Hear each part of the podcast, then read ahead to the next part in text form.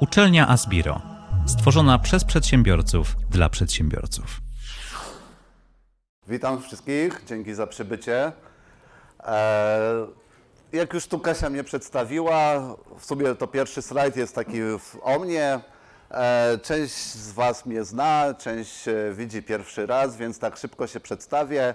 E, nazywam się Bogdanowicz Michał, w branży e-commerce jestem od 15 lat. Zaczynałem sprzedaż na rynkach brytyjskich.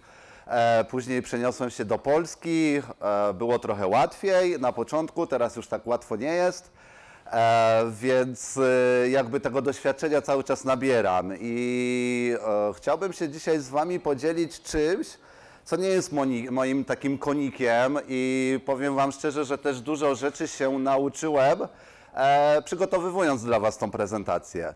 E, ja w naszej firmie, ponieważ firmę prowadzimy w dwie osoby, e, zajmuję się takimi seksownymi rzeczami, oczywiście seksownymi w cudzysłowiu, jak tutaj właśnie e, moi poprzednicy, czy to Łukasz, czy to Maciek opowiadał, czyli generalnie e, staram się robić wszystko, żeby ta sprzedaż nasza była jak najwyższa i e, głównie zajmuję się właśnie marketingiem i przetwarzaniem danych w naszej firmie. Natomiast e, dzisiaj będę do Was mówił o e, projektowaniu stron internetowych, ale może nie tak do końca od strony programistycznej, ponieważ programistą nie jestem, aczkolwiek studia, studia robiłem. Tutaj akurat mamy z Kamilem e, taki wspólny mianownik, 6 lat studiów informatycznych, żadnego tytułu.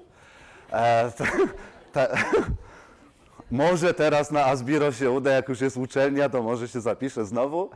Eee, jak, jak widzicie na slajdzie na Asbiro jestem 6-7 lat, mniej więcej już teraz mi ciężko jest to jakoś gdzieś tam sobie e, ułożyć w głowie, kiedy, kiedy ta przygoda się rozpoczęła. Natomiast jakby tutaj e, duża część e, rzeczy, o których będę dzisiaj Wam mówił, to jest też wiedza, którą gdzieś po drodze zd- zdobyłem tutaj. Z racji tego, że zawsze jakoś miałem wykłady w sobotę, a nie w niedzielę, ten slajd musiałem przerobić, że zapraszam Was wszystkich na kolejną integrację, bo domyślam się, że pewnie wszyscy dzisiaj wrócicie już do domów. Aczkolwiek ja zostaję do poniedziałku, więc jak coś, to, to, to zapraszam. Jeżeli byście mieli jakieś pytania po wykładzie, a ja bym się nie wyrobił, to macie maila. E, Będziemy mówić o użyteczności sklepu internetowego, co e, w moim mniemaniu, może nawet nie tyle w moim mniemaniu, ale generalnie e, chodzi o to, że każda rzecz, którą produkujecie, jeżeli jesteście producentami, e, wytwarzacie, w jakiś sposób musi być dla klienta użyteczna.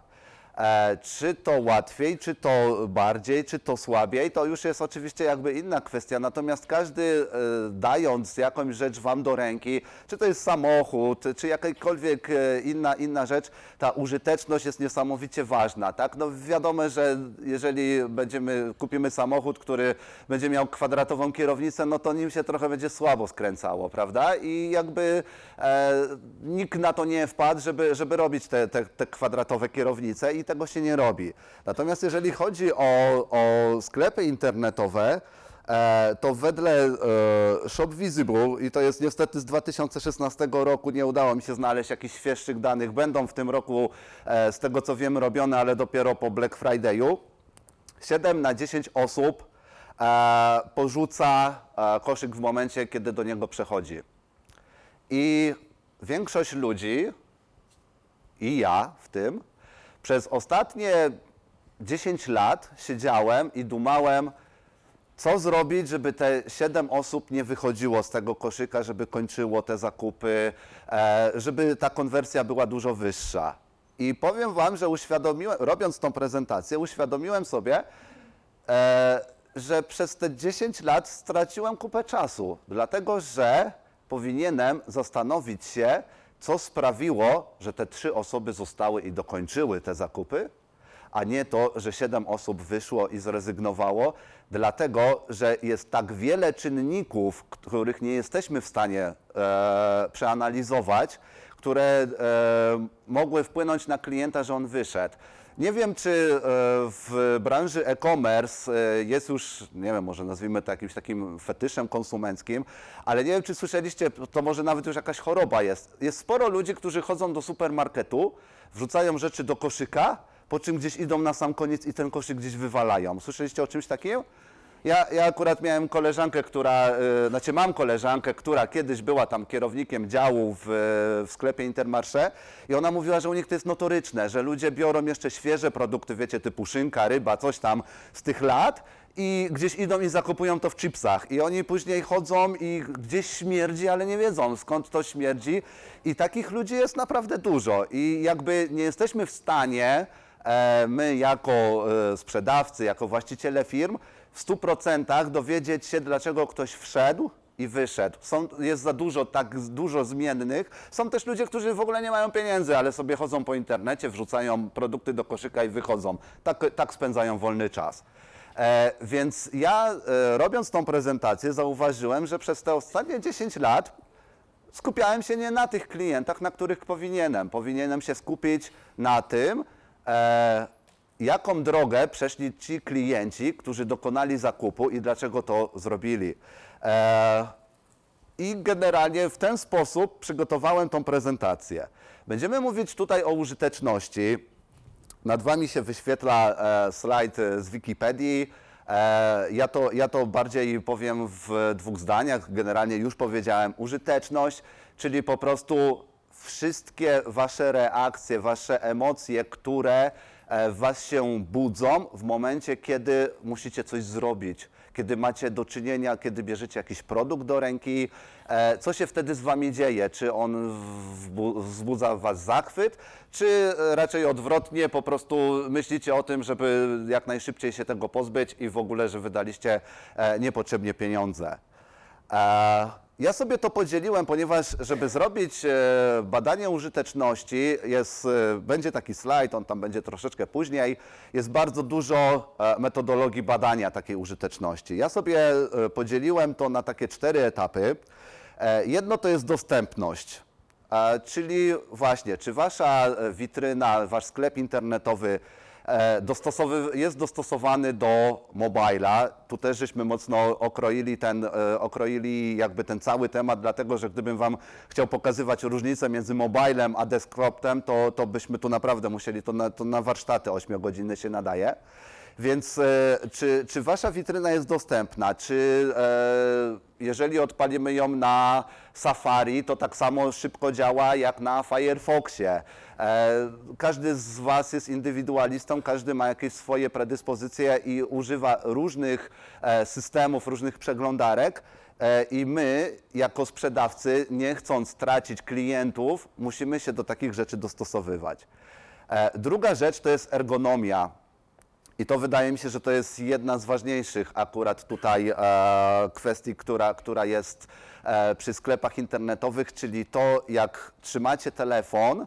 E, dla Was może się to wydawać normalne, ale są ludzie, którzy po prostu wydają niesamowite pieniądze na to, żeby dana ikona była umieszczona po lewej stronie, oddalona 3 mm od krawędzi ekranu i tak dalej, i tak dalej, tylko i wyłącznie po to, żeby ten produkt, ta witryna była użyteczna, żebyście się nie męczyli z przewijaniem, żebyście mogli bez problemu trafić w e, przycisk kup teraz, a nie żebyście musieli go szukać. I to, je, I to właśnie jest wszystko, to, to, to całe, e, całe pojęcie ergonomii kryje się właśnie e, w, w tym, o czym teraz mówię, czyli łatwości e, użytkowania strony. O, tak bym to może e, nazwał. Przejrzystość architektury informacji e, to jest coś takiego, kiedy wchodzicie na sklep internetowy i na dzień dobry macie tysiąc produktów na stronie internetowej. I wy przychodzicie kupić, nie wiem, choćby tam, nie wiem, aparat, ale zanim dojdziecie, e, cyfrowy taki do robienia zdjęć, ale zanim do niego dojdziecie, to musicie przejść wszystkie torby, wszystkie karty SD i tak dalej, i tak dalej. Czyli generalnie witryna jest totalnie nieprzejrzysta. Wchodzicie i nie wiecie w ogóle, co tu można kupić, czy to może blok jakiś jest, czy to jest jakiś katalog producenta. To jest, to jest e, e, przejrzystość architektury informacji. I ostatnia rzecz to jest odporność na błędy użytkownika. Niestety w internecie coraz częściej e, kupują, znaczy stety, niestety. E, z jednej strony jest fajnie, bo e, pozyskujemy większą rzeszę klientów, na przykład osób starszych, które gdzieś tam, wiecie, przeszły te, te szkolenie trzeciego wieku, tak, Uniwersytet trzeciego wieku, nauczyli ich włączać komputer i że to, tego się nie używa pilota. I ci ludzie zaczynają coś tam grzebać, kupować, interesują się. Z drugiej strony, jakby, może to źle zabrzmi, ale za, ja jakby, wydaje mi się, że jestem w stanie tak, y, takie stwierdzenie rzucić, że IQ naszych klientów cały czas się pomniejsza. Ludzie po prostu, no nie wiem, no głupieją. Wydaje mi się, że chyba przez to, co w ogóle się dzieje w tym momencie w Polsce, ale ludzie głupieją i my musimy reagować na to. Czyli na przykład ludzie piszą rzuty przez RZ, tak? Ktoś szuka żółtego, żółtego telefonu i pisze rzuty przez RZ i z jednej strony możemy powiedzieć, dobra, nie chcemy takiego klienta, ale z drugiej strony, no kurczę, to jednak są pieniądze, tak? I wydaje mi się, że jednak lepszą opcją jest to, żeby spróbować się w jakiś sposób dopasować do tego klienta i pozyskać jednak od niego tą gotówę, aniżeli z niego rezygnować. E, Pytanie miałbym. już? Okej, dawaj. Czy też jest błędnie potem? I, I na ile tej iteracji błędów należy się... Tak, generalnie im, im, im większe zagęszczenie, tym lepiej. Będziemy o tym mówić. e, Jakby najlepszą opcją jest to, żeby z- wrzucała się tak zwana autokorekta, tak? Bo wtedy jakby system automatycznie szybciej, szybciej pracuje, nie, nie musisz dodawać tych słów nie wiadomo ile. Natomiast e, większość systemów ma coś takiego, że e, możesz jakby tworzysz taką swoją wirtualną wyszukiwarkę, gdzie możesz wpisywać takie głupoty, gdzie wiesz, że ludzie notorycznie popełniają jakieś błędy. Większość systemów w tym momencie sklepowych coś takiego posiada. E, No i tak, no i doszedłem do tego, do tego UX-u, przeszedłem, zrobiłem sobie tą metodologię badania, no i tak sobie myślę, kurczę, no trzeba by zrobić jakiś audyt, więc stwierdziłem, że najlepiej by było zrobić audyt jakiegoś dużego sklepu, żeby wszyscy wiedzieli, o czym mówimy, tak? Nie wezmę jakiegoś niszowego i będę wam pokazywał. A z drugiej strony sobie pomyślałem, skoro mam 10 godzin siedzieć nad tą prezentacją, to zrobię sobie audyt własnego sklepu. No i jak się okazało, wcale nie jest tak kolorowo, jak, jak, jak myślałem. E, więc e, biorąc pod uwagę pierwszy, pie, e, jakby pierwszy parametr, który, który chciałem sprawdzić, czyli tą dostępność, e, poddałem badaniu responsywność witryny, galerię zdjęć, szybkość ładowania strony, koszyk i całą ścieżkę zakupową, czyli taką drogę przez mękę dla, dla klienta. Czy znacie pojęcia RWD i AWD? Nie znacie. A czekajcie, a w ogóle ile ludzi ma sklep internetowy tutaj? Dobra, jest sporo ludzi. A powiedzcie mi, e, mam takie pytanie, które bardzo często zadaję, jak rozmawiam z moimi klientami a propos sklepów internetowych. Ile z Was robi zakupy u siebie na sklepie? Dwie ręce, cztery, no pięć, no, no to nieźle. W porównaniu do tyle, ilu ten, super. A ilu z Was robi to cyklicznie? Okej. Dwie osoby. Dobra. E, więc e, tak pokrótce, wy sobie tam możecie przeczytać. Dwie różnice. RWD w tym momencie najbardziej e, popularna technologia tworzenia e, stron internetowych, sklepów internetowych, czyli e, technologia, która dopasowywuje się do każdego urządzenia. Jakkolwiek, jakie byście nie mieli, obracacie je i ona się dopasowywuje. Ta druga technologia jest troszeczkę starsza, Wcześniej była, e, czyli AWD była bardziej rozpowszechniona. E, Polegało na tym, że tworzyło się daną stronę na każde urządzenie, które istniało na rynku. Z racji tego, że e, rynek telefonów komórkowych, tabletów tak dynamicznie zaczął się powiększać, nie było sensu już, żeby, żeby po prostu tworzyć e, w tym systemie, żeby dopasowywać, że jeden telefon jest 318 na 520, wiecie o co chodzi. Więc jakby wszyscy przerzucili się na, no może nie wszyscy, ale większość przerzuciła się na technologię RWD i w tym momencie praktycznie wszystkie nowe sklepy, które się robi, robi się w tej technologii. E, co ciekawe, e, z 2017 roku badanie e, Usability Labs, tylko jedna witryna na 20 w Polsce w 2017 roku była responsywna. Myślę, że teraz będzie może 50 na 50, bym tak powiedział. Tak, tak, tak obstawiam, jak, jak wertuję. Tutaj macie infografikę, jaka, jak, jak to mniej więcej wygląda, że właśnie e, AWD to jest dostosowanie do każdego, do każdego ekranu, robimy osobny layout, natomiast RWD dopasowywuje się automatycznie.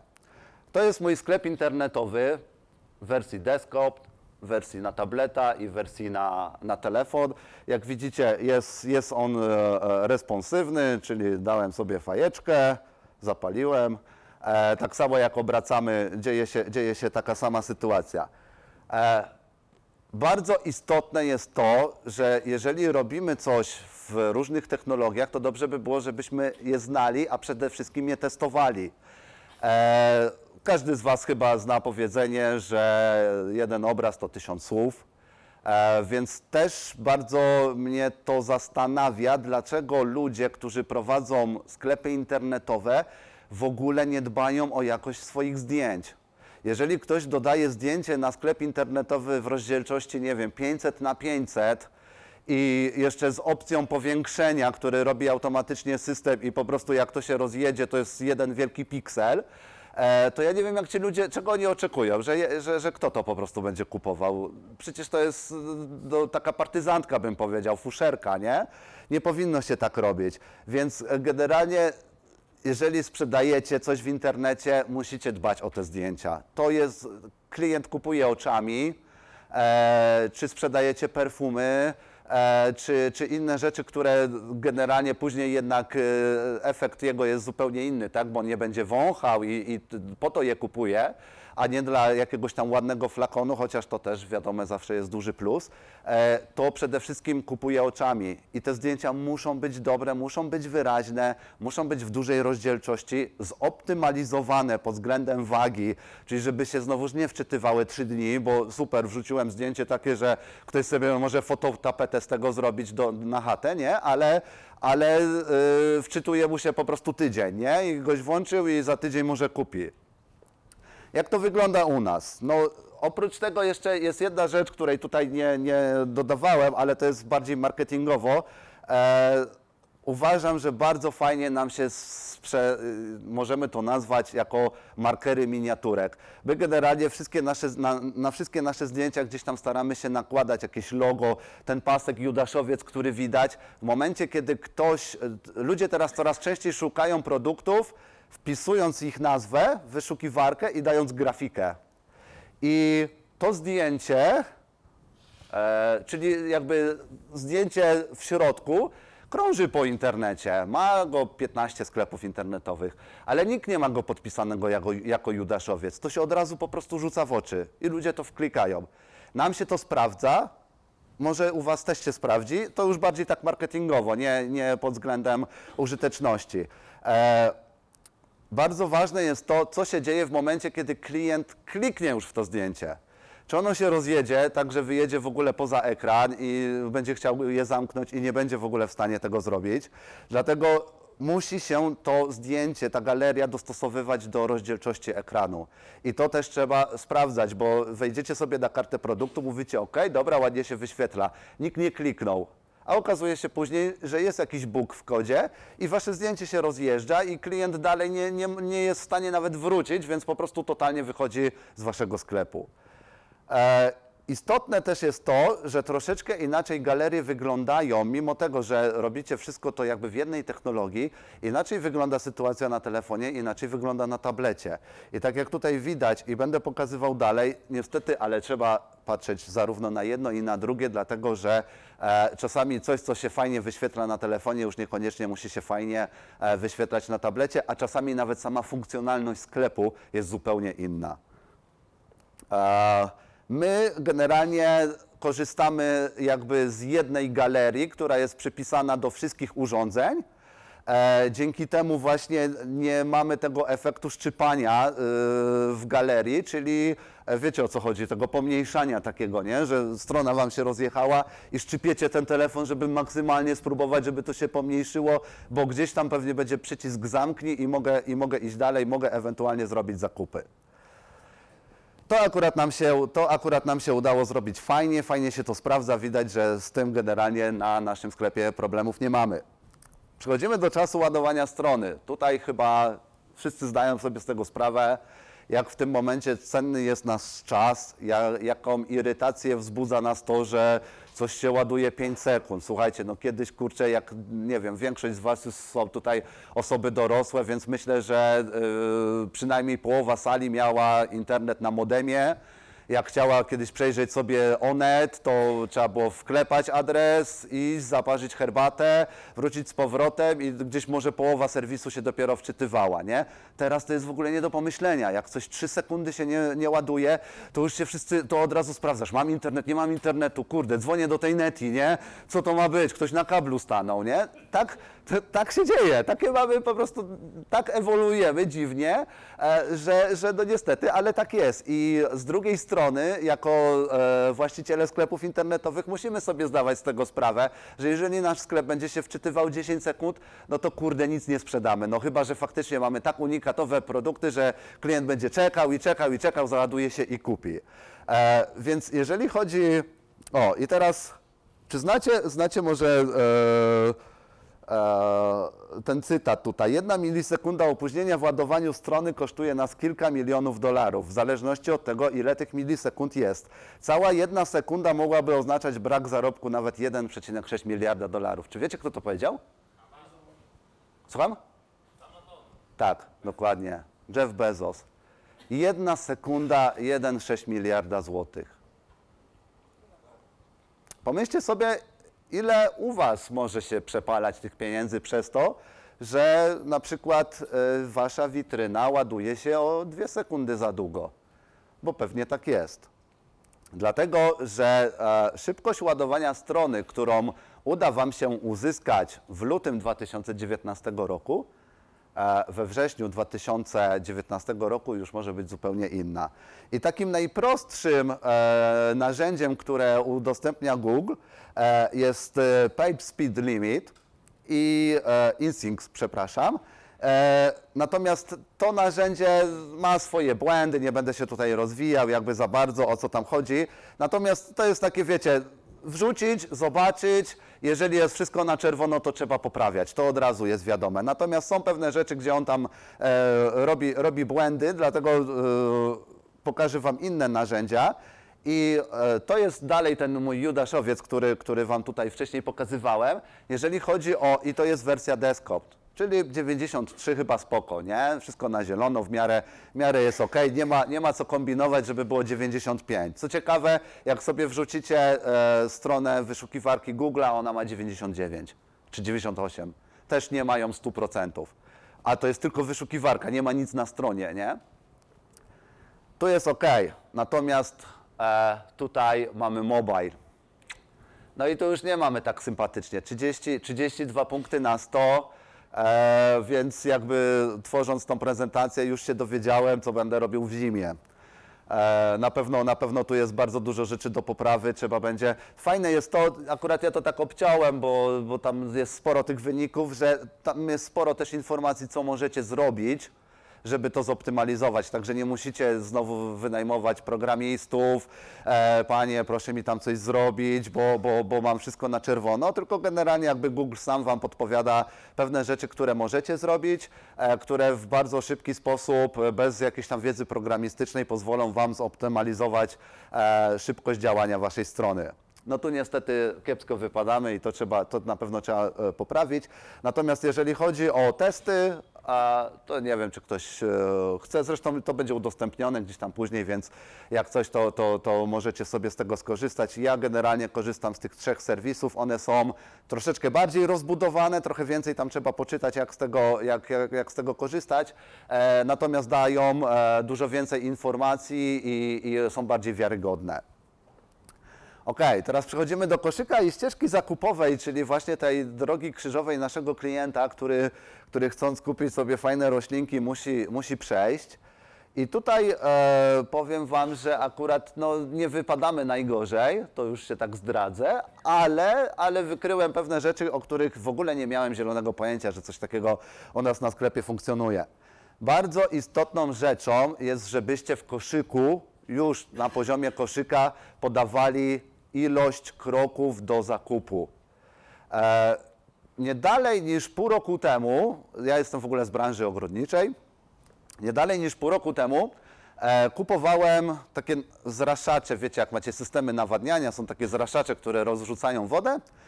I przeszukiwałem, przeszukiwałem internet i trafiłem na sklep, w którym w ogóle kupiłem cały system nawadniania. I tam jeden, jeden zraszacz mi się zepsuł, więc stwierdziłem, że skoro kupiłem o nich tam dwa lata temu, to, to tylko to było akurat wszystko przez telefon załatwione, to kupię u nich na sklepie. Słuchajcie, dramat.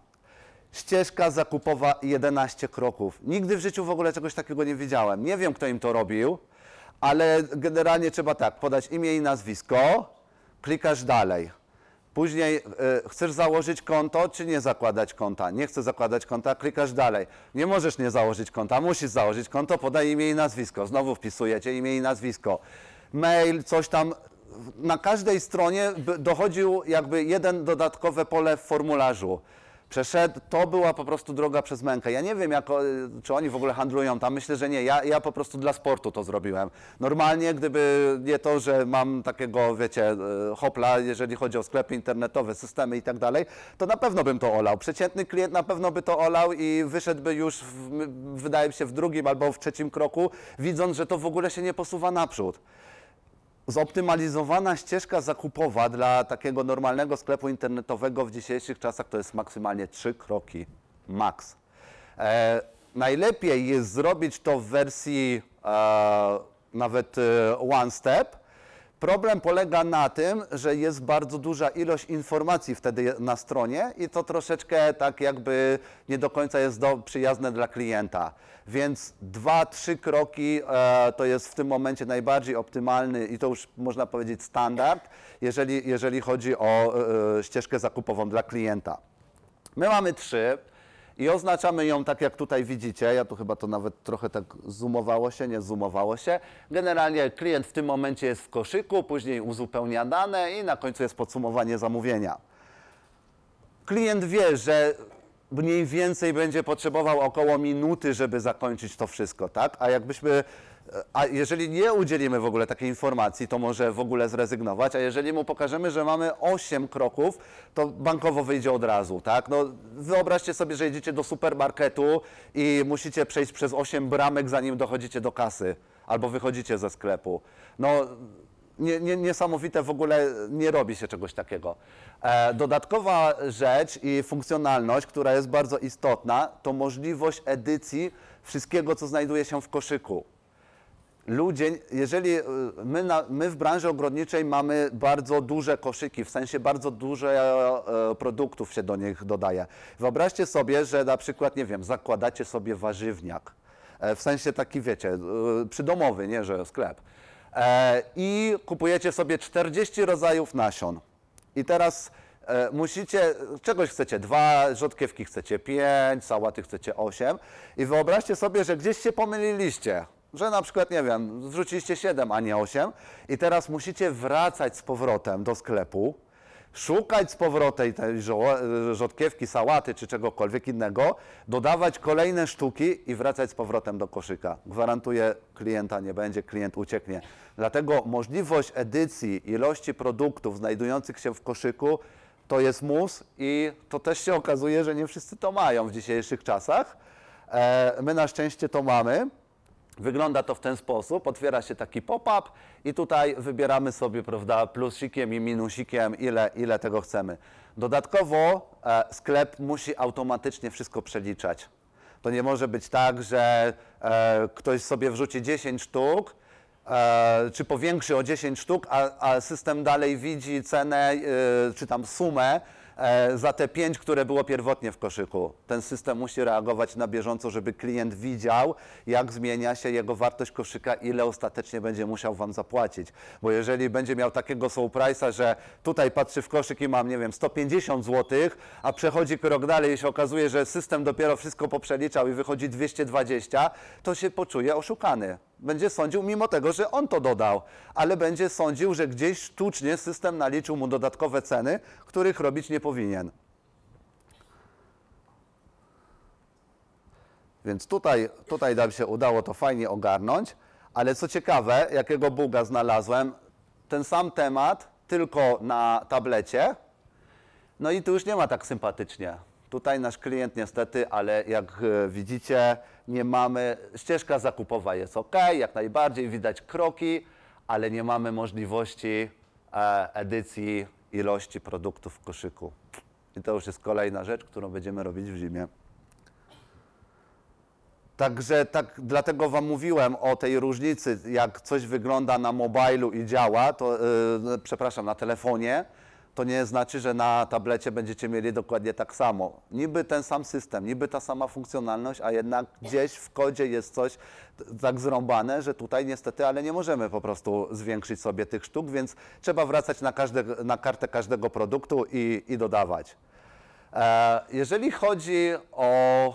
To jest jakby dalsza część. Powiem Wam, że najlepszą opcją by było, gdybym mógł to Wam pokazywać online, bo print screeny są, są takie trochę słabe, ale generalnie to jest jakby dalsza część koszyka, czyli klient ma możliwość zapisania go.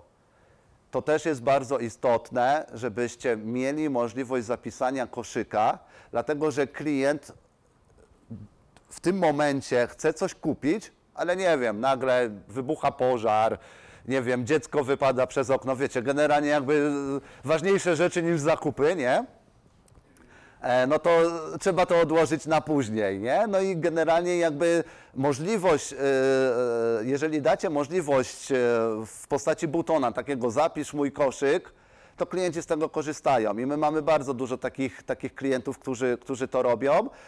Nie wszyscy kumają i to też jakby trzeba sobie pewne rzeczy dostosować, że im się wydaje, że jak klikają zapis, zapisz koszyk, to robią zakupy. E, więc takich klientów też trzeba wyedukować. My na początku mieliśmy zapisz koszyk, nie wiem czy to będzie tutaj widać, ale dodaliśmy jeszcze w nawiasie dokończ zakupy później. Bo wcześniej mieliśmy tylko zapisz koszyk, ludzie zapisywali, dzwonili za tydzień, gdzie moja paczka. A my nie mamy zamówienia. Ale jak to nie macie zamówienia? No nie. No i z racji tego, że jakby mamy tą możliwość tych zapisywania tych koszyków, e, to my od strony panelu administracyjnego mamy możliwość wglądu, kto takie koszyki zapisuje, więc musimy się tylko klienta dopytać mniej więcej, kiedy u nas był, w jakich godzinach i tam dziewczyny są w stanie odszukać ten koszyk i wtedy powiem, no ale pani po prostu go zapisała, a nie dokończyła, nie dokończyła zamówienia. E, jeżeli chodzi o Udostępnianie, tutaj chyba nawet e, Łukasz mówił, tak, nie było mnie, bo byłem na Zbiro TV, e, udostępnianie opcji dostawy minimum dwóch operatorów. To też już badania na ten temat głównie e, firmy logistyczne robią, minimum dwóch operatorów. E, teraz oczywiście rządzą e, paczkomaty, które też są jakby alternatywną formą dostawy i taką troszeczkę inną, e, więc e, wybór, wybór na rynku jest. E, My, my, nam się bardzo dobrze współpracuje z GLS-em, ale gdybym miał Inposta albo FedExa, to nie wiem, czy bym się chwalił ich logiem. Także z jednej strony to jest fajne, ale z drugiej strony musicie też brać pod uwagę to, że jest dużo firm, które gdzieś tam sobie kojarzą. Ja, mi się na przykład Inpost w ogóle nie kojarzy z jakością. Zrobili paczkomaty, ok, tam Rafał zaszalał, fajnie wy, wypalił mu biznes. Natomiast jeżeli chodzi o usługi kurierskie, to już w ogóle nie jest mój temat. Ja bym w życiu roślin impostem nie wysłał, bo, bo bym miał same reklamacje. E, tak samo w, po, wcześniej był OPEC, teraz FedEx, y, też nie za bardzo. DPD już lepiej, sporo firm korzysta z DPD, natomiast jak do nas przyjeżdża DPD, to mi się wydaje, że on miał dachowanie przed chwilą. Jak on wyciąga te paczki, wiecie, oni są zawaleni, dużo, dużo mają klientów, oni są za, za, zawaleni, więc generalnie po prostu chodzi po tych paczkach, bo gdzieś tam ma na samym końcu, ja otwieram tą, tą, tą klapę, patrzę się, a tu normalnie dachowanie było 5 minut temu, nie? Ja nie wiem, jak goś to ogarnia. Więc z jednej strony to jest fajne, pochwalić się, zwłaszcza jeżeli macie dobrą firmę kurierską, ale jeżeli nie, no to, no to jakby loga bym nie wrzucał, natomiast e, dajcie ludziom wybór. W dzisiejszych czasach są brokerzy, z którymi możecie się pospinać po API i tak dalej. Nie jest to wcale trudne. E, Dlaczego e, nie dać klientowi UPS-a za 30 zł? OK, macie podpisaną umowę z Inpostem, przykładowo macie paczki po 8 zeta. E, nie ma problemu, klientowi możecie dać za 11, ale ma wybór, tak? Może sobie wziąć lepszą firmę, którą lepiej kojarzy e, ale zapłaci za to ekstra. I, I jakby to jest takie uczciwe rozwiązanie w obie strony e, w moim mniemaniu, na, a nie ograniczać klienta tylko na przykład dla, do Poczty Polskiej, nie? Więc e, my jakby tutaj e, mamy kilka tych opcji. Dodatkowo mamy też pocztę, ona się tutaj nie wyświetla, ale to głównie przy takich małych produktach wysyłamy. E, No i to jest już jakby ostatnia e, część e, tego, tego, tej strony, czyli wybór płatności. I tutaj też uważam, że jeżeli korzystacie z szybkich płatności, a pewnie większość z Was, którzy mają sklepy internetowe, to korzysta, też uważam, że dobrą praktyką jest dać opcję minimum dwóch operatorów, byle nie PayPala. Ktoś ma PayPala? A komu zablokowali pieniądze już? Jeszcze nikomu, to za małe obroty robicie. Nam zablokowali pieniądze, e, co zresztą jest tak niesamowicie dużo negatywnych opinii e, o PayPalu. E, zablokowali nam pieniądze z podejrzeniem o wspieranie terroryzmu i praniu brudnych pieniędzy. E, odpisywaliśmy do nich, a to, a nie wiem czy wiecie, ale e, PayPal to jest spółka zarejestrowana w Luksemburgu. I oni mnie oskarżają o pranie brudnych pieniędzy i wspieranie terroryzmu, nie? Także generalnie uważajcie z PayPalem, e, wypłacajcie pieniądze na bieżąco, nie trzymajcie tam kasy, bo pewnego dnia możecie dostać maila, że przechodzicie jakąś dziwną weryfikację i pieniążki przez najbliższe pół roku w ogóle nie będziecie mogli ich wypłacić. I ostatnia rzecz, która też jest tutaj istotna, to ten buton na dole, czyli zamawiam. Jest bardzo dużo sklepów, które popełniają ten błąd i umieszczają go. Czekajcie, tu się coś podświetla, nie? E, może na slajdzie tego tak nie widać, ale generalnie tu, to jest szerokość strony. On zawsze musi być węższy. Tu niestety, ale na slajdzie wydaje się, że on jest na całą szerokość strony. On nie jest na całą szerokość strony. On musi być węższy, żeby ludzie wiedzieli, że to jest jakiś buton call to action, że jak ja tu kliknę, to przejdę do kasy, to zapłacę, to po, coś potwierdzę. E, jeżeli byśmy zastosowali to w ten sposób, jak na przykład tutaj, że robimy taki jeden czarny, wielki buton, który jest jakby częścią całego, y, całego layoutu, całego wyglądu, klient za Chiny ludowe się nie zorientuje, że tu w ogóle coś trzeba kliknąć. Pokażę Wam to za chwilę na innym slajdzie, gdzie jakby robiłem jeszcze porównania z innych sklepów. Ścieżka zakupowa, e, krok e, drugi, czyli e, potrzebujemy uzyskać dane od klienta. E, Jak widzicie, u nas bez problemu można kupić bez rejestracji, nawet w jakiś tam sposób można powiedzieć, że to promujemy, dlatego że to jest szybsze dla klienta, nie musi tam zakładać kont, logować się i tak dalej. Aczkolwiek w koszyku też promujemy klienta, który zostawia nam swojego maila, e, jednak chce zostać tym naszym klientem, jest w jakiś tam sposób premiowany. E, Czego jednak nie mamy, a co by się przydało, o, tak to wygląda to możliwość logowania się z zewnętrznych serwisów, czy to właśnie Allegro, czy to Gmail, czy to Facebook. Nie mamy tego, a przez to, że klient musi wypełnić te formularze wszystkie, czyli podać tak naprawdę dane do wysyłki, no ale jednak trzeba, trzeba tego trochę wklepać. Jeżeli, jeżeli mielibyśmy zaimplementowane takie rzeczy jak właśnie Facebook e, czy Google, e, to w tym momencie e, pobieramy sobie automatycznie dane z konta klienta e, i w zasadzie bardzo, bardzo dużo systemów w tym momencie, bardzo dużo sklepów działa na tej zasadzie, że automatycznie tworzy się konto klienta i pobierane są również hasła, czyli klient to samo hasło na pocztę ma już u Was w sklepie. I to jest bardzo fajne rozwiązanie i uważam, że powinniście z tego korzystać. E, I my też na pewno z tego będziemy korzystać, z tym, że to jest akurat już e, jakby niezależne od nas. E, Potrzebujemy do tego kilku programistów, którzy nam to ogarną i podobno za miesiąc będziemy, będziemy to mieli.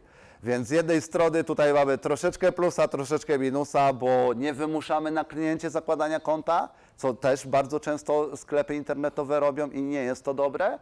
E, ale z drugiej strony nie mamy możliwości pobrania e, danych z e, obcego serwisu. Ostatnia, ostatnia rzecz, czyli tutaj te błędy, o których tam na początku wspominałem. Jak widzicie, tutaj jest kod pocztowy, on jest zaznaczony na czerwono. W tym momencie większość systemów ma to, że jeżeli uzupełniacie jakiś formularz i coś nie uzupełnicie albo coś wpiszecie źle, czyli nie wiem, na przykład w numerze domu wpiszecie nazwę ulicy i tak dalej, one was poinformują, że coś jest nie tak. Niestety problem polega na tym, że dużo systemów jest starych, i e, to, że wam zaznaczą, że coś jest nie tak, to jest jedna rzecz, ale druga rzecz jest taka, że wam nie podpowiedzą, co trzeba zmienić. Czyli są systemy, które e, kojarzą kody pocztowe tylko z pauzą, tak? 00, pauza 001 Warszawa.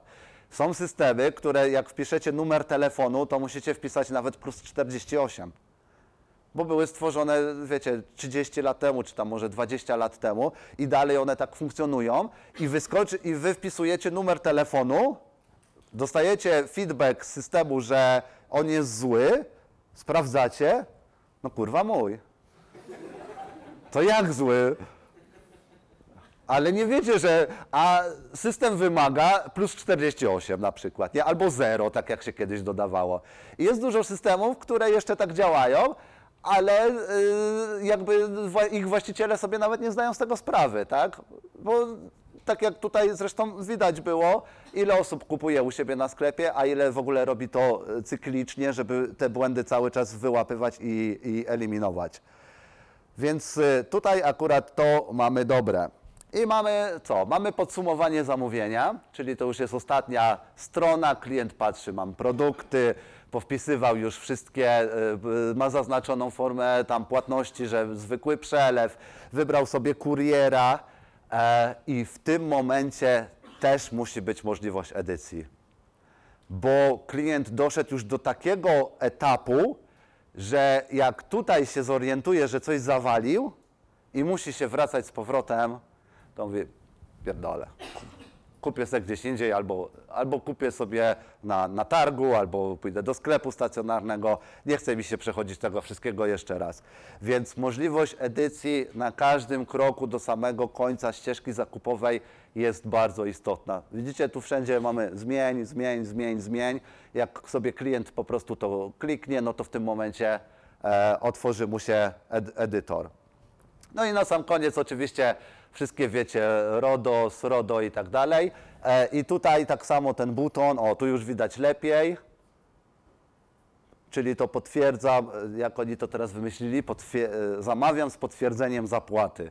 To tylko Unia Europejska mogła wymyśleć, nie? Taki buton. Zamawiam z potwierdzeniem zapłaty. Tutaj wszystko dalej jest edytowalne. Dodatkowo jeszcze oczywiście pole, żeby tam, nie wiem, pozdrowienia dla sprzedawcy, nie? Musi być. Najlepszy sklep na świecie. Tu mamy, tu mamy już podsumowanie zamówienia. No i e, niezbędne checkboxy. Też uważam, że powinno być ich jak najmniej. E, nie jestem w ogóle zwolennikiem zbierania opinii na Ceneo, na wszystkich takich rzeczach. Uważam, że jeżeli chcecie zbierać opinie, które są bardzo istotne w tym momencie w internecie, zróbcie sobie własny system opiniowania. Tak jak my to mamy, co pokażę później. E, zbieranie opinii na jakiś e, Opineo, Ceneo czy inne rzeczy, o, o tyle o ile kiedyś to jeszcze miało sens, i nie było tak złe, o tyle w dzisiejszych czasach, kiedy właśnie weszło to RODO, to klient musi tam zaznaczyć chyba ze 3 czy 4 dodatkowe checkboxy, że wyrażam zgodę na wysłanie maila, później wyrażam zgodę na to, żeby to zostało opublikowane, wyrażam zgodę na to, w ogóle regulamin Wam się tak rozszerza za, za wszystkie zgody. A jak jeszcze chcecie mieć na przykład y, Opineo dodatkowo, albo jeszcze jakąś inną porównywarkę, która gdzieś tam na przykład zbiera opinię, no to, no to tych check- checkboxów to on ma tam chyba z 15 do zaznaczenia. No ja bym na pewno nigdy tyle, tylu checkboxów nie zaznaczył, więc po co coś takiego w ogóle robić? Czy są jakieś pytania do tej pory? Czy lecimy dalej? Nie ma. O, jest pytanie, no. Mamy czasu 45 minut, tak? Okej, y, pytanie. No. mm, Czy opłaca się robić dedykowaną aplikację mobilną, czy wystarczy przystosować stronę internetową? I tak i nie. Nie, jak to teraz jest modne, to zależy. to zależy. E, wiesz co, jest e, bardzo dużo firm, które robią dedykowane aplikacje, natomiast uważam, że koszta są niewspółmierne względem tego, co daje Ci technologia RWD. Nie pchałbym się w to, totalnie bym się w to nie pchał, dlatego że e, koszt Dwa lata temu rozmawiałem z firmą na targach e-commerce'owych, która robi właśnie tak, że jakby jeden do jednego przekłada Twój sklep w aplikację. E, przy 200 produktach koszt wyliczyli mi na 45 tysięcy złotych netto. Czy mi się to kiedyś zwróci? Jak, mam, jak każdy klient może wejść i, i mam, wiesz, stronę responsywną, dopasuje się do wszystkiego. Niby tam zachęcali, że jakieś dodatkowe fleczery można stosować i tak dalej. Okej, ale jakby, jaki, bo ja jestem praktykiem. Więc ja zawsze się pytam, ok, ale sprzedaliście komuś taki produkt i zarobił na tym, zwróciło mu się to? No nie, my jesteśmy startupem, no, a dobra, no to już widzę, że po prostu będą się uczyć za moje pieniądze, nie? Także ja uważam, że jednak e, prostota, jaką daje nam RWD, tylko dobrze zrobione, e, jest dużo lepsze niż odkrywanie koła na nowo. Wiesz o co chodzi. Okej, to kiedy tak? Kiedy tak? Wtedy, e, kiedy robisz aplikacje, które są powiedzmy bardziej interaktywne, tak? Czyli na przykład, nie wiem, e, jeżeli się, e, możesz wejść sobie na Facebooka ze strony internetowej i on ci się dopasowywuje, ale równie dobrze e, możesz mieć też aplikację Facebooka, tak? Której ja tam notabene nigdy nie miałem. Ale są pewne rzeczy, których nigdy na stronie nie będziesz w stanie umieścić, a wciśniesz to w aplikację. Ale to już musi być sprytnie przemyślane. Ok, jedziemy z ergonomią, e, czyli tą interakcją całą i to, żeby sklep internetowy był tak zaprojektowany. Każdy z nas ma różną długość kciuka, nie? Jeden ma większe palce, drugi ma mniejsze i jakby ta użyteczność musi być taka, żeby to jednak pod każdego człowieka w miarę się dostosować. Wiadomo, że jak ktoś w ogóle nie ma kciuka, no to, no to się nie dostosujemy, ale, ale generalnie jeżeli jest on e, różnej długości, a tak jest, to musimy tak przystosować system, żeby, żeby pan po prostu, który, który wiecie, ma takie palce, nie, no to nie sięgał poza ekran e, i mógł dodać coś do koszyka. No i tutaj, tutaj akurat ten slajd w ogóle dodałem wczoraj e, na integracji. Nie wiem, czy będzie go widać. E, tu chciałem Wam tylko napomknąć a propos ergonomii. W ergonomii e, też istotą, istotne są zastosowane czcionki, tak? czyli po prostu nie naparzacie 17 kolorów czcionek, co linijka to, to inny rodzaj czcionki, inna wielkość, pogrubiony, żółty pogrubiony, niebieski chudy. No nie robi się czegoś takiego, bo, bo, bo to nie jest jarmark, tylko wasz profesjonalny sklep. Ale y, ten slajd dodałem dlatego, że może część z Was sprzedaje albo będzie chciała sprzedawać na zagranicę. I tworzenie, jeżeli tworzycie layout swojego sklepu, e, to nie zawsze, a z reguły w większości, nie powinien on na Niemcy, czy w ogóle jak już wychodzicie gdzieś tam, nie wiem, na Azję, wyglądać jeden do jednego, tak jak robicie go w Polsce. Dlatego, że jak zapewne zdajecie sobie sprawę, różne kolory w różnych rejonach świata znaczą zupełnie co innego. I tutaj właśnie jest taki print screen, ja nie wiem, czy go widać, ja go tak jeszcze zoomowałem, e, ale na przykład w Polsce bardzo promuje się używanie białego koloru, przede wszystkim właśnie pod tło, żeby nie nasycać, żeby kiedyś ludzie wrzucali jakieś tam, wiecie, tapety, zdjęcia czy coś, to, to, to po prostu wszystko powoduje to, że człowiek się rozprasza.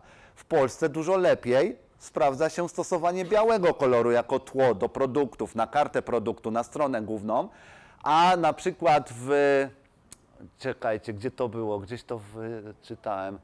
W Indiach biały kolor e, to jest reinkarnacja, to jest jakaś przynęta, E, więc generalnie na pewno takiego koloru nie możemy zastosować, jeżeli byśmy chcieli robić sklep internetowy na Indię, tak? Tutaj akurat jest kilka, ja, tak jak Wam mówię, uzupełnię Wam to, nie będę Wam tego czytał wszystkiego po kolei, natomiast trzeba na to zwrócić uwagę, jakich kolorów używacie i to, że ich używacie tutaj w Polsce i one konwertują i wiecie, że ten sklep jest ładny, estetyczny i jakby, nie wiem, nie, nie rani czyich uczuć religijnych, chociaż u nas to tak może mniej się e, stosuje, takie, takie pojęcia, to jeżeli zrobicie to samo w Japonii, to możecie na przykład iść siedzieć za to.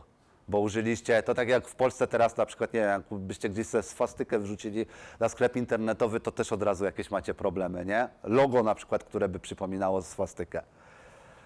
E, tutaj jest e, ważność kolorów, o tak bym to może przetłumaczył na polski, czyli jakby e, jakie kraje uważają, jakie kolory za najważniejsze, jakich się powinno po prostu używać e, w UX-ie. Dlatego, że my dzisiaj rozmawiamy o sklepach internetowych, ale UX jest jakby wszędzie. Idziecie, nie wiem, idziecie e, na metro, kupujecie bilety w tych kasach, nie? Takich e, szy- szybkich, nie, nie u pani w okienku.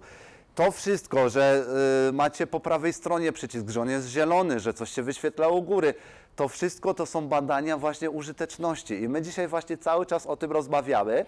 I dlatego też, y, nie wiem jak jest akurat w Warszawie, bo, bo wydaje się, że tutaj też różne dziwne rzeczy mogą się dziać, ale raczej chyba nie stosuje się różowych ekranów, tak? Przychodzisz i taki jebutny różowy ci bije i kup pan bilet, nie? A ty gdzie, gdzie? Nie, nie, nie stosuje i na przykład czarnych biletów, nie? Nie robi się takich rzeczy. Dlatego jak wy projektujecie swoje sklepy internetowe, też zwracajcie na to, żeby one były estetyczne i żeby współgrały z pewnymi normami, które tutaj, zresztą możecie sobie to wygooglać, ja tego nie stworzyłem, tylko, tylko to są informacje ogólnodostępne. Eee, co my tu mamy dalej? Pole wyboru ilości, czyli ergonomia. Tak, tak zaprojektowaliśmy sklep, aby to było bez problemu w zasięgu e, kciuka. Czyli bez problemu możecie sobie te ilości zwiększać bądź zmniejszać bez w ogóle e, przewijania, tak? Jedyny minus, co tutaj chyba napisałem, ten buton mógłby być o takie 2-3 piksele przesunięty troszeczkę bardziej w prawo, aczkolwiek robiłem testy trzymając telefon tak i tak i tak, ani razu nie udało mi się przez przypadek kliknąć w ten buton, więc mimo wszystko e, Działa on, aczkolwiek wydaje mi się, że gdyby był tam 2-3 piksele, prawdopodobnie przesuniemy go w prawo i wtedy ta jego użyteczność będzie je- jeszcze, jeszcze większa i nie będzie pomyłki, że ktoś będzie chciał sobie dodać e, drugi czy trzeci produkt do koszyka, a, a automatycznie kliknie kup teraz i po prostu go przeniesie do koszyka. Tutaj widać, że tam jest troszeczkę szerzej. Natomiast jak to wygląda? Kojarzycie Oponeo, chyba największy sklep w tym momencie, jeżeli chodzi o, o sprzedaż opon. Nie wiem, chyba tak obliżyłem mikrofon. Ręka trochę, wiecie, cierpnie. Po... wcz- Wczoraj co innego trzymałem, jakoś nie cierpła, nie? w tej pozycji. E, zobaczcie, zobaczcie, jak oni to tutaj skrzanili wszystko. E, przy sprzedaży opon mega ważna jest porównywarka, tak? Wchodzicie, kupujecie opony, wiecie, że ma być taki rozmiar i taki i macie 50 różnych firm. I fajnie jest, żeby sobie można było to porównać. To są bardzo porównywalne produkty i z tego się bardzo często korzysta. A oni umieścili to tutaj, pod jakimś kurna zasranym widgetem, który prawdopodobnie za chwilę mi się wysunie i nie będzie się chciał wsunąć z powrotem. E, zobaczcie też, jak wygląda sytuacja z ilością. E, nie, ma, nie macie plusa i minusa. Nie możecie, mogliby chociaż zrobić, że kupujecie po dwie opony, tak? Jeżeli już nie chcą na przykład sprzedawać po jednej. Ale macie tak, że możecie kupić 4, 8, 16, 12 i tak dalej. Od razu w kompletach i to jeszcze, i to, jak tu naciśniecie, to to się rozwija. Nie ma, że sobie dam jeden do góry, jeden na dół, jeden do góry, jeden na dół, tylko to się rozwinie i będziecie mieć, tak jak powiedziałem, 4, 8, 12, 16. No totalna bzdura, nie robi się czegoś takiego. Jeszcze dodatkowo e, to ten e, tutaj porównaj, niby buton, niby link, on jest w ogóle nieaktywny. Schrzanili to po prostu na maksa i aż się dziwię, że, że, że na takie coś sobie pozwolili. Uważam, że to już pewnie będzie naprawione, dlatego że e, ten screen jest właśnie z jednego z e, raportów a propos użyteczności i myślę, że, że prawdopodobnie już to poprawili. No ale uważam, że jak na taką firmę, no to słabo. E, Leroy Merlin, to o czym mówiłem. Buton na całą szerokość. Tak jest ekran. To białe to już nie jest ekran. Ekran jest to, co jest to szare. I teraz ma, i tu są w ogóle dwa butony. To jest chyba dodaj do listy, tak? Co to jest? Dodaj do, do, dodaj do zakupów i dodaj do koszyka. Klient w ogóle nie wie, że to można kliknąć. To wygląda jak część, część layoutu, tak? Jeszcze w ogóle by zrobili tak, jakby zrobili szare, to już w ogóle by było, jed, je, jakby wiecie, e, jedna, jedna całość bez, bez e, e, żadnego call to action. Więc na to zwróćcie sobie uwagę, jak to wygląda w waszych sklepach internetowych, bo naprawdę to koliduje, jeżeli chodzi, jeżeli chodzi o zwiększanie konwersji. Także no niestety Leroy Merlin tutaj pod tym względem słabo. I tutaj przechodzimy do systemu opiniowania. Jak widzicie, my tutaj mamy takie gwiazdki, które też zarówno w każdej wersji bez problemu można sobie łatwo w nie kliknąć. E, My mamy ten system 1.5. Każdy tutaj z tego poziomu każdy może to oznaczyć. Kupiłeś, nie kupiłeś, możesz klikać. Także jakbyście chcieli, to wiecie, tam 5 gwiazdek, nie?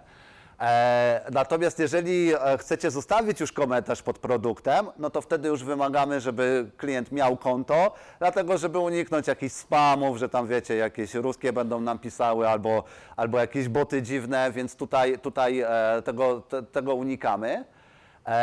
I po co jest ten system opiniowania? System opiniowania jak wiecie, zawsze wpływa dobrze na sprzedaż, bo klient widzi, aha, 289 osób, prawie 4 gwiazdki, to chyba spoko ten produkt, nie?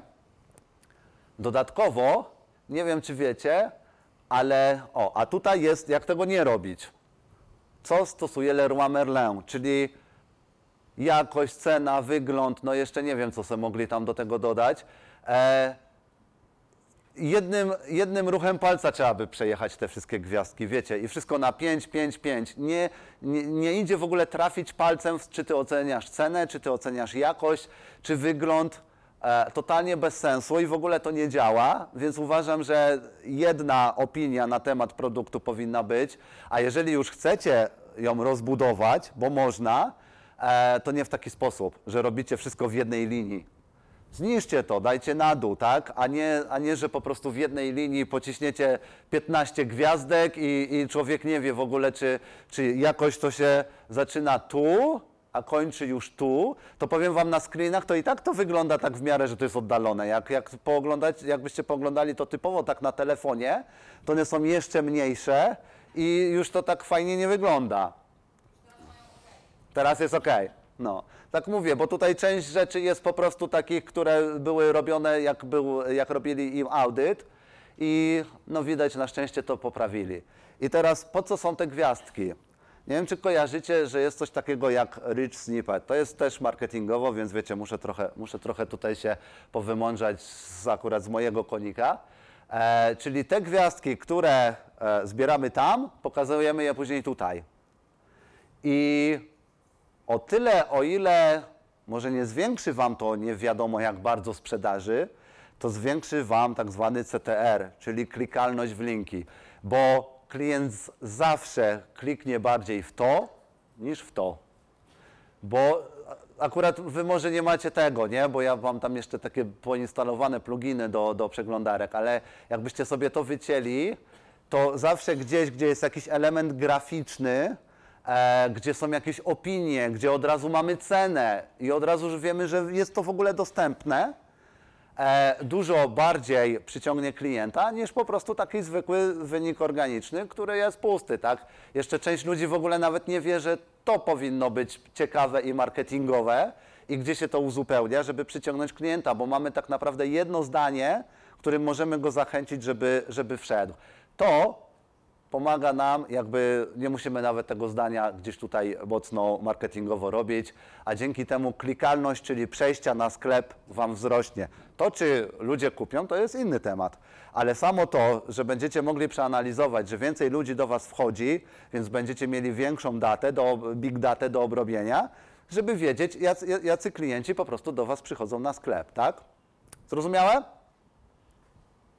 Nie? Okej, dobra, lecimy dalej. Architektura informacji, czyli e, przejrzystość strony. E, wchodzimy w, jest bardzo dużo sklepów, na które gdzieś tam po drodze trafiłem, głównie moich, moja konkurencja, gdzie wchodzę i w ogóle nie wiem, i w ogóle nie wiem, e, czym oni się zajmują. Totalnie nie wiem, czym oni się zajmują, chociaż wiem, że to jest moja konkurencja i gdzieś tam ich wygooglałem, nie? E, po prostu tworzą, tworzą sklepy, e, jak to się nazywa? Kolaż, tak? Kolaż, czyli takie przyklejanie, jakbyście sobie wyklejali obrazek obok obrazka. Dobrze mówię? Kolaż to się nazywa? No i ludzie tak tworzą sklepy. Nie ma na przykład odstępu między produktami. Jest zdjęcie obok zdjęcia, obok zdjęcia, obok zdjęcia, obok zdjęcia, obok zdjęcie i ty nie wiesz, czy to jest w ogóle sklep internetowy, czy oni coś sprzedają, czy tu się coś zepsuło w ogóle na tej stronie. Ewidentnie się nie zepsuło, tylko po prostu tak prowadzą sklep internetowy. Na, strona główna musi być przejrzysta. To, że gdzieś tam jak ktoś już będzie wchodził w kategorie i tak dalej, to zagęszczenie, to za chwilę sobie o tym powiemy, ale strona główna musi być przejrzysta. Nie możecie tam, jeżeli macie, nie wiem, 500 produktów na ma w bazie danych, to nie możecie 250 umieścić na stronie głównej. Bo człowiek będzie to przewijał i przewijał i przewijał i przewijał e, i, i wydaje mu się, że to jest po prostu nieskończoność. E, Więc e, uważam, że maksymalnie takie 30 produktów na stronie głównej to jest maks. A najlepiej to jest ułożenie drzewa kategorii w formie graficznej, jeżeli macie tako, tak duży asortyment i umieszczenie tego drzewa kategorii, które tu by wyglądało jako produkty, a będzie to dopiero podkategoria. E, tutaj mamy, tutaj jest coś, co też uważam za nasz błąd. Akurat tak tutaj sobie przewinąłem. Czyli doskonale sobie zdajecie sprawę z tego, co to jest, nie? Rozwijane menu, to na każdym telefonie wszędzie to działa tak samo. I to, co my żeśmy tutaj spaprali, to to, że to menu jest jedno pod drugim. Tylko w to, jak sobie klikniecie, to otworzy Wam się e, Wasze konto, Wasze zamówienia, takie rzeczy. A tutaj mamy typowo drzewo kategorii. I to uważam, że wprowadza naszych klientów w błąd, którzy próbują coś kupić u nas na mobilu. Bo prawdopodobnie jest spora część klientów, którzy klika w to i mówią, kurde, ej, oni tu w ogóle nie mają kategorii, nie? E, więc niestety, ale e, no to też jest kolejna rzecz, którą po prostu będziemy musieli, musieli poprawić. I, e, przebudować to, z, przerzucić to, na przykład zrobić wyszukiwarkę tu, a to przerzucić tu. I wtedy już się to spina. Tak samo zauważyłem, że my mamy tak maksymalnie drzewo kategorii do czwartego poziomu, tak? Czyli kategoria główna, podkategoria, jakaś tam podkategoria i jeszcze coś tam. Myślę, że mało takich mamy, ale trzy czwarty poziom to jest maks, ile, ile stosujemy. I o tyle, o ile na e, laptopie czy tam na normalnym komputerze to wszystko fajnie się spina, o tyle w wersji mobile już niestety nie. Dlatego, że jak kliknęliśmy sobie, rozwinęło nam się to drzewo kategorii, tak? Kliknąłem sobie tutaj w artykuły do wysiewu, mamy taką kategorię. To jest wynik, jaki otrzymuję, ale pod tą kategorią mamy jeszcze trzy dodatkowe kategorie, które jest rozbite, czyli tam są doniczki, jakieś krążki torfowe i tak dalej. I klient, który jest dużo systemów, my akurat tym się tylko bronimy, że jeżeli wrzucamy produkt do podkategorii czwartego rzędu, on i tak mimo wszystko będzie się znajdował w wynikach wyszukiwania kategorii pierwszego rzędu. Ale jest bardzo dużo takich systemów, że jeżeli go przyporządkujecie, tak jak my byśmy tutaj przyporządkowali do tylko mini szklarenek, to jak ktoś nie wejdzie w te mini szklarenki, to on go tutaj nie zobaczy. I gdybyśmy tak mieli, to tutaj w artykułach do wysiewu mielibyśmy może jeden produkt. A dzięki temu, że akurat działa to troszeczkę inaczej, e, to je mamy, ale uważam, że to i tak jest źle i to też musimy niestety przebudować, że klient wchodzi w kategorię, musi znowu kliknąć, wchodzi w kategorię, musi znowu kliknąć i to zagnieżdżenie niestety, ale zrobiliśmy za duże. Także do zwolnienia ludzie pójdą. I teraz dochodzimy do wyszukiwarki, o której tutaj żeśmy już rozmawiali a propos poprawiania tych błędów. Bardzo dobrym rozwiązaniem jest e, sugerowanie wyników wyszukiwania. Tak jak teraz macie to w Google, ludzie się przyzwyczajają, e, Allegro to stosuje do wszystkie, wszystkie jakby większe, większe systemy, większe sklepy, czyli wpisujecie tam pierwsze trzy litery i już dostajecie jakieś wyniki. Bo po co macie pisać całą frazę, jeżeli faktycznie okazuje się, że ze zdjęcia jesteście na przykład w stanie poznać, że aha, okej, mają to, co mnie interesuje i się przeklikujecie. Czasami jest tak, że klient nawet nie wie, że coś może występować w pięciu wariantach. A dzięki temu, że nie wpisze tylko jednego człona frazy, od, dostaje od razu wynik, na przykład 8 wyników i mówi, o kurde, to nie wiedziałem, że jest nawet tyle, nie wiem, borówki amerykańskiej, nie? Oni mają 15 odmian, ja myślałem, że jest tylko jedna i jedną się sadzi. E, więc e, sugerowanie wyników wyszukiwania jest bardzo dobre.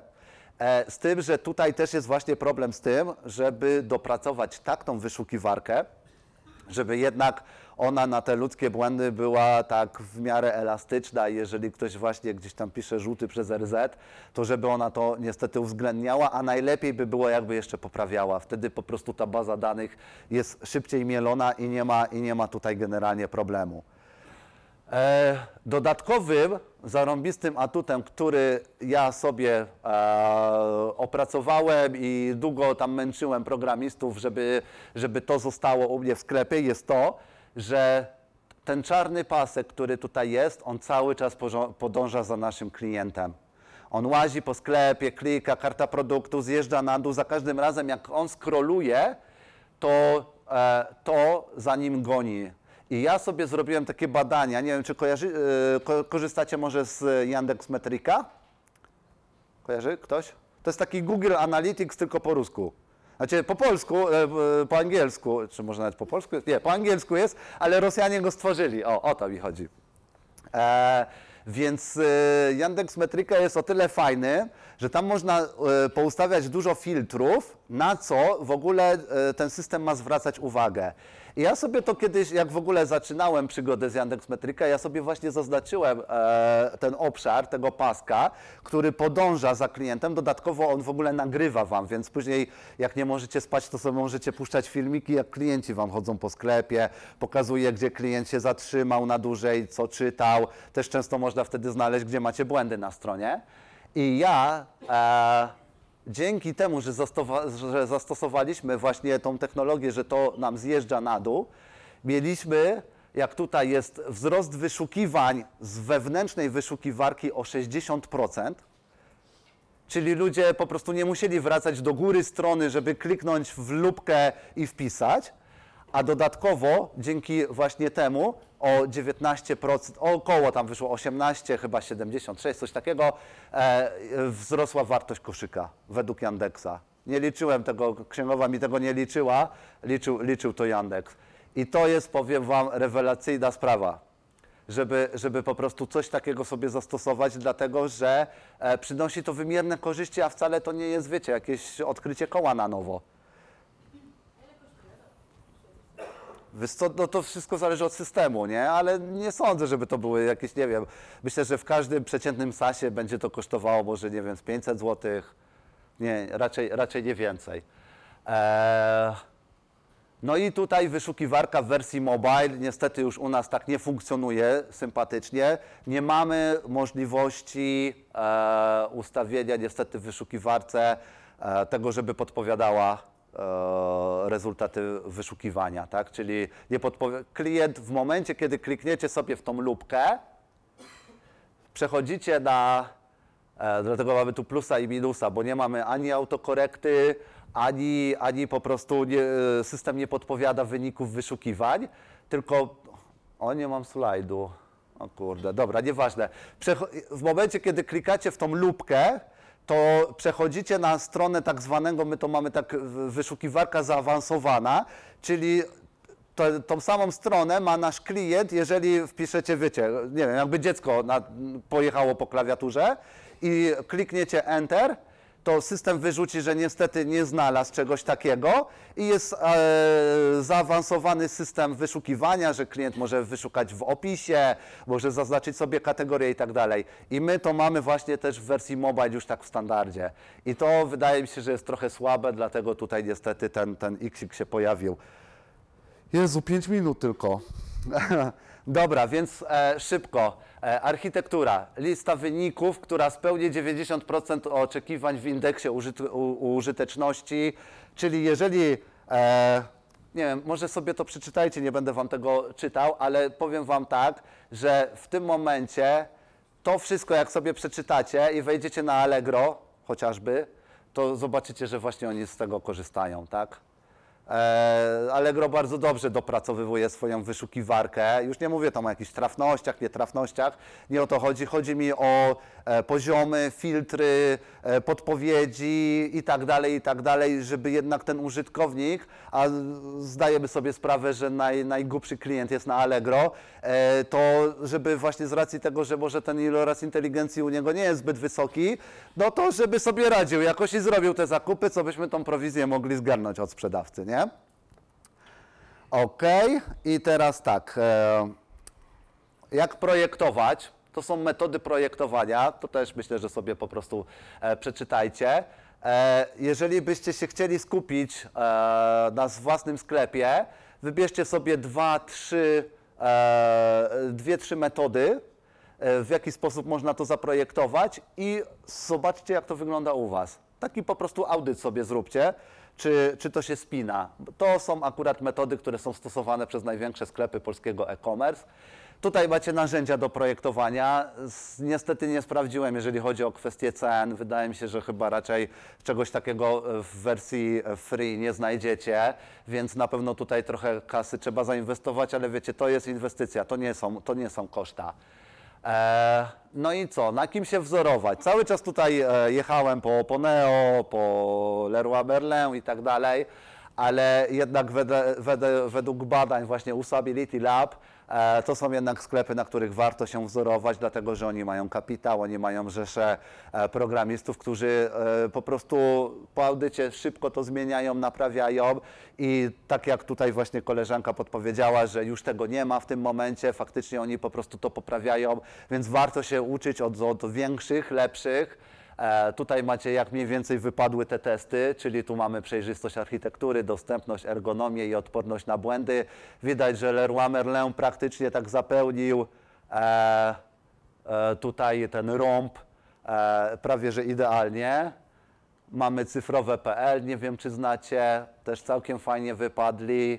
Oponeo też szybko, też szybko się generalnie pozmieniało, więc tutaj warto się wzorować. Dodatkowo Redcon, Chibo, Empik to są firmy, które naprawdę robią bardzo fajne, e, użyteczne strony. Ja korzystając dokładnie z tej samej metody, którą, e, e, któ- którą zrobiło Usability Lab, uzyskałem 61%. Więc chyba nie jest źle, skoro, skoro Leroy Merlin przeszło ledwo 70. E, Na pewno jest e, sporo pracy, na pewno, na pewno będziemy musieli dużo rzeczy zrobić. E, Natomiast jest dużo rzeczy, które udało nam się jakby przewidzieć na początku projektowania sklepu internetowego i dzięki temu jednak ci ludzie robią te zakupy u nas poprzez mobile i powiem Wam taka ciekawostka. W 2017 roku mieliśmy ruchu z mobile około 17%. E, w tym momencie mamy 62% z mobila, co też jest istotne. E, to, że ktoś ogląda na mobilu, to nie znaczy, że musi kupić. Bardzo często ludzie, ja tak robię, oglądam na mobilu, kupuję na desktopcie, bo mi wygodniej. Bo dużo stron jest po prostu źle zrobionych, tak? I przechodzę te ścieżki, gdzieś tam muszę te formularze uzupełniać, co za bardzo mi nie idzie na, na, na telefonie, e, więc bardzo często e, przechodzę sobie na komputer i na komputerze kupuję. E, ważna sprawa jest taka, to już jakby te, na, na ten temat na inny wykład, jak zrobić tak, żeby dodawać do koszyka na mobilu, a kupować na desktopcie. bo da się tak zrobić. E, no i co? Dobiegło końca, tak? Już? Już? Już mnie tu Kasia, już mnie tu Kasia trochę przyspieszyłem, trochę więcej rzeczy chciałem powiedzieć. Ikonki mi poznikały. E, dziękuję serdecznie za uwagę. Mam nadzieję, że Was nie zanudziłem w tą niedzielę.